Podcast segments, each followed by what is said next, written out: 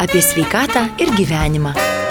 Kągi, sveikata ir gyvenimas be jokios abejonės e, susiję labai glaudžiai. Studijoje prie mikrofono Liudas Ramanauskas. Šiandien mes kalbame su Stasio Kudirkos ligoninės direktoriaus pavaduotoju Dmitrij Kačiūrin. Labadiena, gerbiamas Dmitrij. Labadiena. Visi gyvename įtampoje, kiekvieną rytą, kiekvieną dieną pranešimai iš karo Ukrainoje, bet aš norėčiau pradėti nuo to, jog pabėgėlių daugiau kaip milijonas į jų srautai didėja ir į Lietuvą, ir pabėgėlių centras Alytuje veikia. Pirmas mano klausimas labai paprastas. Žmonės po tokių stresinių situacijų, po nemiego nemiegotų naktų vaikai, o jų 60 procentų atkeliaujantis į Lietuvos pabėgėlių centrą. Ar kreipiasi ukrainiečiai į Stasio Kudirkos ligonę prašydami pagalbos? E, dar kartą labą dieną. Ne.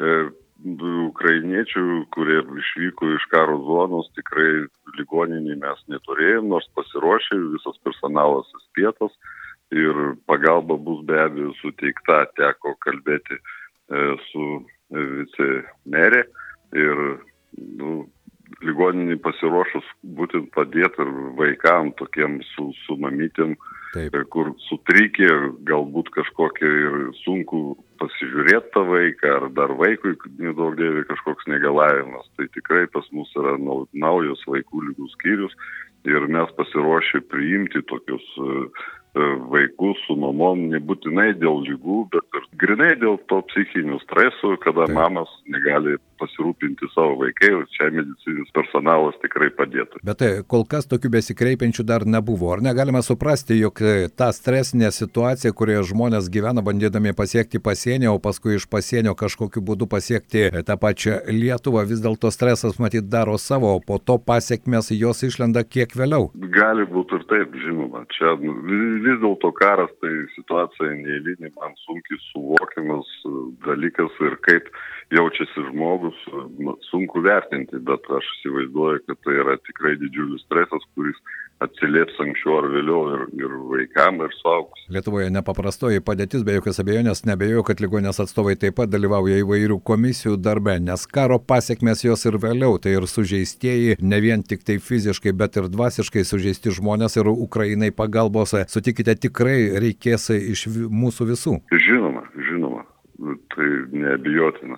Trys gydytojai iš ligoninės pareiškė norą vykti į misiją, bet nu, jie yra, aš taip įsivaizduoju, rezervi ir taip. jeigu užtruktų tie karo veiksmai, tai tikrai norinčių ir galinčių išvykti būtų ir daugiau. Aišku, dabar yra trys, kokių specialybių gydytojai pareiškė norą padėti ukrainiečiams? Neurologas, anesteziologas ir traumatologas. Aišku, tai yra tos specialybės, kurios ko gero labiausiai reikalingos karo metu, ar ne Ukrainos teritorijoje. Dmitrijai, dar vienas klausimas. Štai jūs minėjote, jog vaikų skyrius, o jis yra iš tikrųjų atnaujintas, puikus. Kiek ten vietų yra, kiek jūs galite priimti? Viso yra 26 vietos, tai manyčiau, kad nu, tikrai pusės skyrius galėtumėm, galėtumėm skirti o jeigu reikės ir daugiau, viskas priklauso nuo poreikių. Mes labai lankstus ir prisitaikom prie situacijos. Aišku, dabar didžioji dalis ukrainiečių, kurie atvyksta ir į Alitų, į pabėgėlių centrą, jie jau turi tam tikrų kontaktų, nemažai jo apsigyvena savo draugų, artimųjų, giminaičių namuose. Vat buvo tokia istorija, kai trijų savaičių kūdikis praktiškai, ko gero, pusę savo gyvenimo praleidęs jau pabėgėlio kelionėje, e, buvo Lietuvoje, po to išvyko į Latviją. Dar vienas klausimas, apie tai mes esame kalbėję ir su Klementina Grusdienė, asociacijos Lietaus vaikai atstovė, tai yra vaikai vaikai su vienokiom ar kitokiom negaliam. Jūs kaip daktaras puikiai žinote, kad e, su tokiais vaikais, ko gero, tokioje stresinėje situacijoje, na, iš tikrųjų ir toms mamoms, kurios lydi tuos vaikus, irgi yra be galo sunku. Taip, žinoma, bet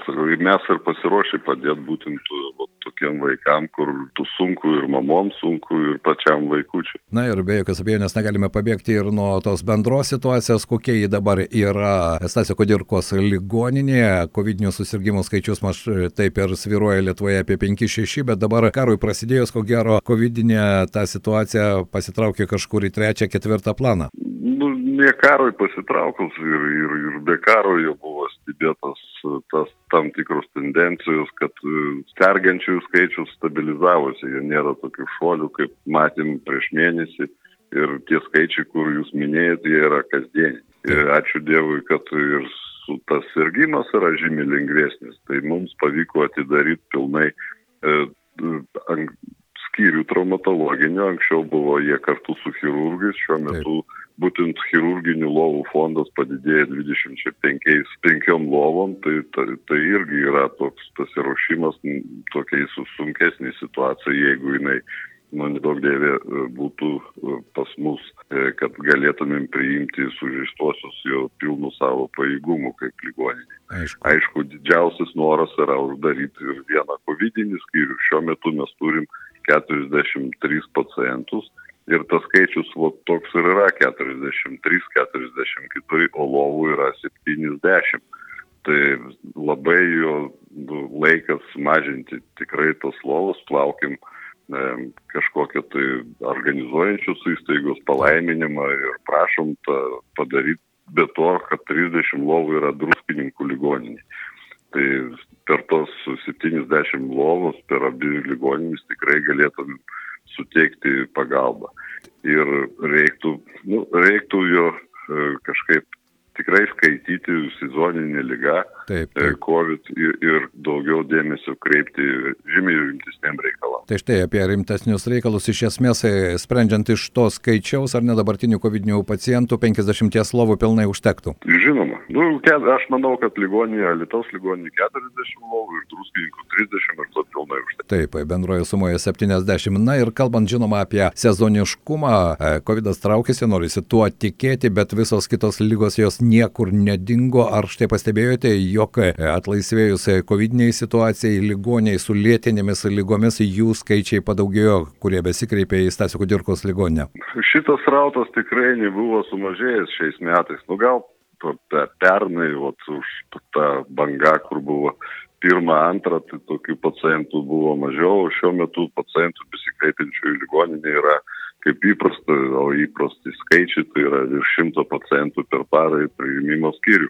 Tik tai, kad darbą vat, apsunkina tas sumažintas lovų fondas terapiniam e, pacientam ir aišku, norėtųsi teikti pagalbą visapusiškai, kokybiškai ir nevyžiuoti ligonius į kitus rajonus. Taip, kitas ligoninės. E, iš esmės, Dmitri, jūs šiandien galite patvirtinti, kad e, Stasio Kudirkos ligoninė teikia visas paslaugas, ar ne, kurios yra reikalingos? Taip, žinoma. Kaip jūs galite prognozuoti artėjančią situaciją? Sunku, žinoma, niekas negali žinoti, kas įvyks rytoj, net ne, negali žinoti, kas įvyks po valandos, ar ne štai šio ryto, anksto ryto atsikėliau ir pirmieji pranešimai buvo apie tai, kad e, atominė jėgainė buvo apšaudyta ir ten gaisras kilo ir tai iš karto kelia begalę pačių įvairiausių minčių minčių, bet e, ko gero šis karas Ukrainoje jis tiesiog neprognozuojamas visiškai. Taip, prognozuoti aš nedrįšiu ir, ir tikrai neprognozuosiu, mes galim tik tai ruoštis.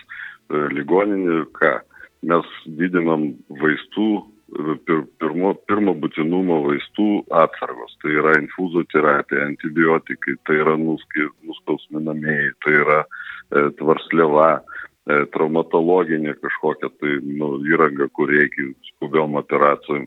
Tai mes galim padaryti ir tas e, atsargos didinam ir žymiai didinam negu įprastai. Taip, ir tai dar. Planuojam, kad ligoninė galėtų funkcionuoti iš atsargų nors e, mėnesį laiko, jeigu nutrūktų tikimas. Aišku, kad tai turėtų bent jau atsargas mėnesį, o kaip su kraujo atsargom? Pavyzdžiui, vienu metu ir jau žiemos pabaigoje buvo informacija apie tai, jog kraujo bankas kreipėsi, kad kraujo tikrai poreikis yra ir nebejau, kad jis tik tai didės. Tų kraujo banko Lietuvoje nėra, tą kraują mes gaunam iš Vilnius. Taip. Kaip bus logistika, taip ir bus. Mes nu, nepajėgus kažkokią tai atsargos kraują daryti pas save įstaigoje, nu, nėra nėra, nėra tokios paskirties mūsų lygoje. Supratau, supratau. Kągi, Dmitrijai Kačiūrin, Stasio Kudirkos ligonės direktorius pavaduotojas, šiandien buvo mūsų rubrikos svečias, norisi palinkėti visiems geros dienos, ne visada to gali, tą gali padaryti ir žinoma sveikatos. Ir Dmitrijai, paskutinis mano klausimas. Esate daktaras, ne psichiatras, ne psichologas, visi mes dabar patiriame tas įtampas, tą stresinę situaciją. Ką jūs galėtumėt patarti, kokiu būdu galima būtų galbūt savo mintis nukreipti į kažkokią veiklą, galbūt į savanorystę pasinerti ir užsiimti kitais darbais tam, kad, na, smegenys tiesiog neperkaistų? Nu, jūs praktiškai viską ir pasakėt, kokie būtų ir mano patarimai. Tai aš manyčiau, kad, nu, kol situacija yra tokia įtempta ir kiekvienas žmogus vis dėlto yra skirtingas, tai reiktų, ne, nu, tai pasakykime, atsiprašau, neužsiciklinti ant tų, tų įvykių Taip. ir užsiimti kasdienį savo veiklą, eiti į darbą, daryti tą, ką, ką ir mėgsta sportuoti, žiūrėti tai kažkokią tai meninį, skaityti meninę literatūrą, nu, bandyti atsitraukti ir ne, neiššokti iš to savo kasdieninio įprasto gyvenimo ritmo. O jeigu trūksta užsiimimų, tai būtent tą, ką jūs ir sakėt, aš manau, kad Taip. ta veikla kaip savanoris dabar yra visur labai reikalinga ir galima tikrai padėti žmog, kitiems žmonėms e, būtent atliekant šitus pareigas. Tiek pabėgėlių centrai, tiek esant vienai ar kitai socialiniai akcijai, prisijungti prie to, nebijoti išeiti iš savo komforto zonos ir tokiu būdu nebejoju, kad kai tu padedi kitam žmogui, tau grįžta ir optimizmas, ir tikėjimas savo jėgomis. Ir tikėkime, kad vis dėlto anksčiau ar vėliau ši tragiška situacija Ukrainoje baigsis. Dmitrai Kačiurin, ačiū Jums šiandien. Na, ačiū Jums. Ir viso, viso Jums geriausio, būkite visi sveiki. Tai yra labai svarbu. Tad tai iš ties linkime visiems būti sveikiems. Apie sveikatą ir gyvenimą.